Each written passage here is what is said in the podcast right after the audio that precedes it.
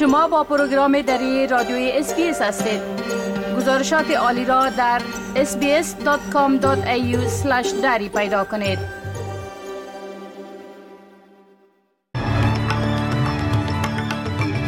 با عرض سلام ما صاحب شکیب شما را به شنیدن مهمترین اخبار امروز 17 ماه نوامبر سال 2023 دعوت می کنم. پارلمان استرالیا یک مقننه را برای وضع شرایط شدید بر ویزاهای پناهجویان و مهاجرین اخیرا آزاد شده تصویب کرده است. از دستگیری یک خانم حامی حقوق زنان و دختران در کابل گزارش شده است.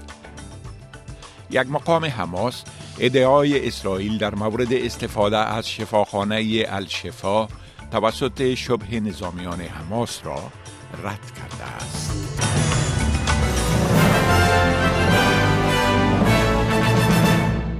تفصیل اخبار مهاجرین و پناهندگان به شمول محکومین به جنایات که پس از حکم محکمه عالی از حبسهای طولانی آزاد شدهاند تحت قوانین سختگیرانه جدید به شمول بسته شدن وسایل نظارتی به پاهایشان و حتی دوره های زندان مواجه خواهند شد. این قانون اضطراری برای تغییر دادن مقررات ویزا شام پنجشنبه پس از اقدام عاجل حکومت استرالیا برای فراهمی تدابیر به منظور امن نگه داشتن جامعه از جانب پارلمان فدرالی تصویب شد. قاتلان و تجاوزگران جنسی از جمله 84 پناهجویی هستند که پس از آن که محکمه هفته گذشته توقیف نامحدود مهاجرین و پناهجویان را غیر قانونی تشخیص داد آزاد شدند. نظارت الکترونیکی اجباری و من رفت و آمد بر علاوه جزای حداقل زندان اجباری برای اشخاصی که از شرایط ویزایشان تخطی می کنند از جمله شش تغییری است که حکومت با آن موافقه کرده است. سوفی اسکمپس نماینده مستقل پارلمان فدرالی به چینل نو گفت او معتقد است که این مقررات جدید به مراقبت دقیق از مهاجرین آزاد شده و حفظ امنیت جامعه کمک خواهد کرد. Look, I think it's a really good measure for to, to, to, address the community concerns so that we do keep a tab on these people. As we know, it was a High Court decision, so these 84 uh, stateless people had to be released into the community, and the government has responded very quickly so that we know that these people are being monitored and we know where they are and we can keep tabs on them. صدر اعظم انتونی البنیزی در جریان سفر به سان فرانسیسکوی ایالات متحده امریکا برای شرکت در نشست همکاری اقتصادی آسیا پسیفیک در حاشیه این نشست دیدارهای متعدد با رهبران سیاسی و اقتصادی داشته است. او روز چهارشنبه با ساتیا نادیلا رئیس مایکروسافت ملاقات و در مورد سرمایه گذاری 5 میلیارد دلاری این شرکت عظیم تکنولوژی امریکایی در استرالیا و همچنان استفاده از خدمات مبتنی بر هوش مصنوعی صحبت کرد. علاوه بر این آقای البنیزی با گیون نیوسم گورنر کالیفرنیا و لاری فینک رئیس شرکت سرمایه گذاری بلک راک ایالات متحده دیدار کرد. او همچنان فرصت یافت تا با جستن ترودو صدر اعظم کانادا دیدار کند. رهبران دو کشور در مورد روابط دو جانبه و چگونگی رسیدگی به مسائل مهم مانند گرم شدن هوا گفتگو کردند. historically we've both been very very much uh, benefited our growth from fossil fuels, but we're in a global transition to clean energy economies, and uh, Australia and Canada both have great resources of critical minerals and the things that will drive the economies in, in this century. پریسا آزاده فعال حقوق زنان و مخالف محدودیت های شدید حکومت طالبان علیه زنان و دختران در کابل دستگیر و دستگیری او از جانب فعالان حقوق بشر تایید شده است. طبق گزارش بی بی سی جنبش زنان مقتدر افغانستان در بیانیه ضمن تایید دستگیری خانم آزاده از نهادهای حقوق بشری خواسته است که زنان افغانستان را تنها نگذارند. قبل از این هم از زندانی شدن جولیا پارسی و ندا پروانی دو فعال دیگر حقوق زنان گزارش شده بود ولی حکومت طالبان تا کنون درباره این دستگیری ها چیز نگفته است یکی از فعالان حقوق زنان که از نزدیک با خانم آزاده آشنایی دارد گفته که استخبارات طالبان روز سهشنبه او را دستگیر کردند.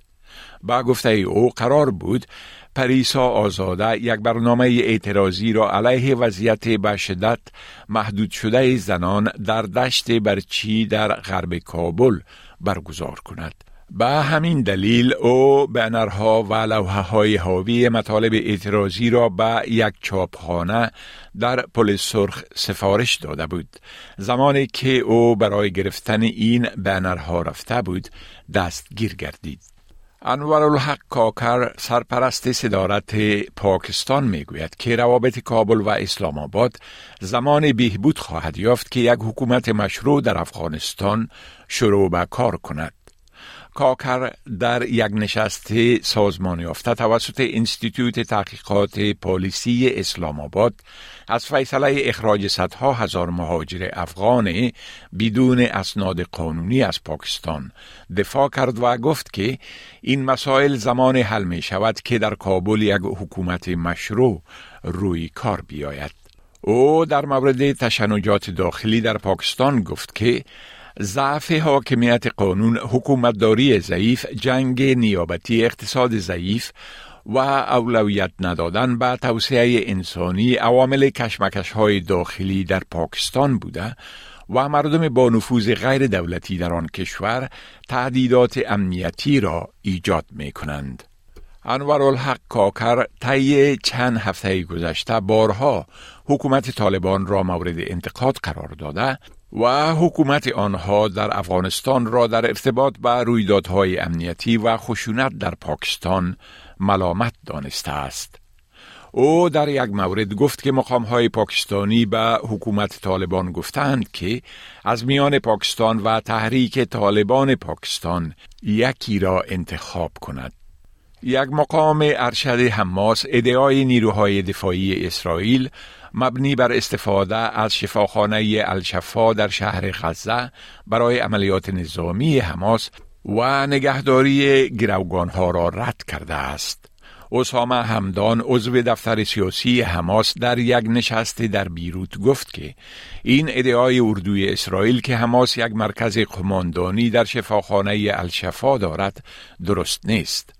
آقای همدان از سازمان های بین المللی خواست تا کمیته های را برای بازدید از شفاخانه های غزه تشکیل دهند تا ادعاهای نادرست اشغالگران اسرائیل برایشان روشن شود. After 20 hours of attacking all the hospital facilities, searching and tampering with all the contents and departments, the spokesperson for the occupation army came out, as usual, with a weak and ridiculous story, saying that he had found several rifles, a Kalashnikov, a laptop, a military uniform, and an old pair of shoes, which he displayed on the shelves and moved from one place to another, and appearing in front of journalists as if he was displaying his goods in a supermarket or in a hotel room. با اساس گزارش ها از غزه نیروهای اسرائیلی به عملیات خود در داخل شفاخانه الشفا ادامه می دهند و در جستجوی شب نظامیان حماسند که به گفته آنها ممکن است هنوز در آنجا مخفی باشند. فرانچسکا البنیزی گزارشگر خاص سازمان ملل متحد برای حقوق بشر فلسطین هین صحبت در کلب ملی مطبوعات استرالیا واکنش استرالیا به خشونت اردوی اسرائیل در غزه را مورد انتقاد شدید قرار داد. او آنچه را که جنایت جنگی شبه نظامیان حماس در هفته اکتبر خواند محکوم کرد اما بر جنایات جوری در غزه و جنایات تاریخی حکومت اسرائیل در سرزمین های فلسطینی روشنی انداخت. مقامات طبی غزه گفتند که بیش از یازده هزار نفر در بمباران به امان و تهاجم زمینی اسرائیل بر این ناحیه کشته شدند که در حدود چل فیصد آنها اطفال می باشند.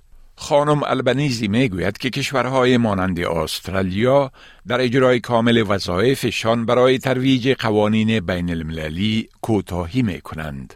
And in the face of all this, the international community is almost completely paralyzed, with the UN experiencing its most epic political and humanitarian failure since its creation.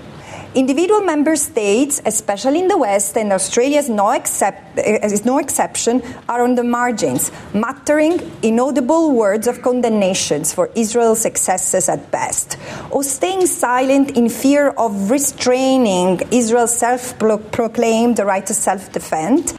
حمله اردوی اسرائیل به نوار غزه به دنبال تهاجم وحشتناک شبه نظامیان حماس به اسرائیل در ماه گذشته انجام شد که در آن بیش از دوازده صد نفر کشته و در حدود 240 گروگان به غزه برده شدند. شمار استرالیایی هایی که احساس تعلق قوی به جامعه دارند به پایین ترین حد خود رسیده است.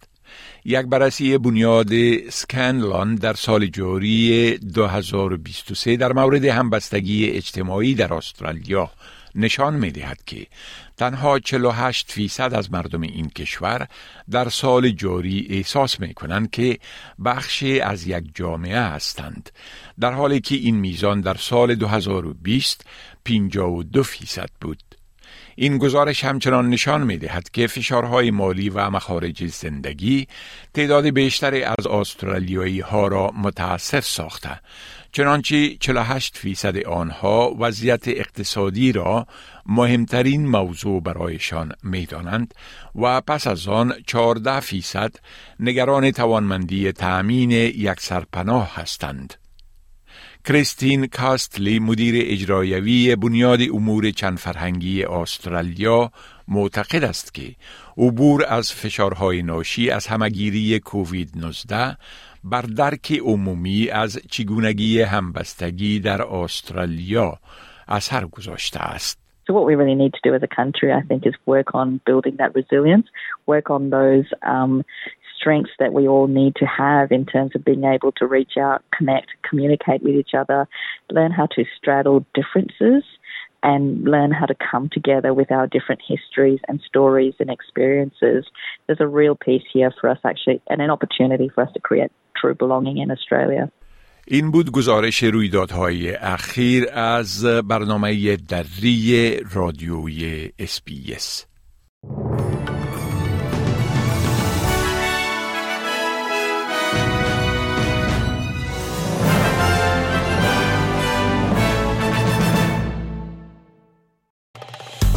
بپسندید شریک سازید و نظر دهید. SBS دری را در فیسبوک تعقیب کنید.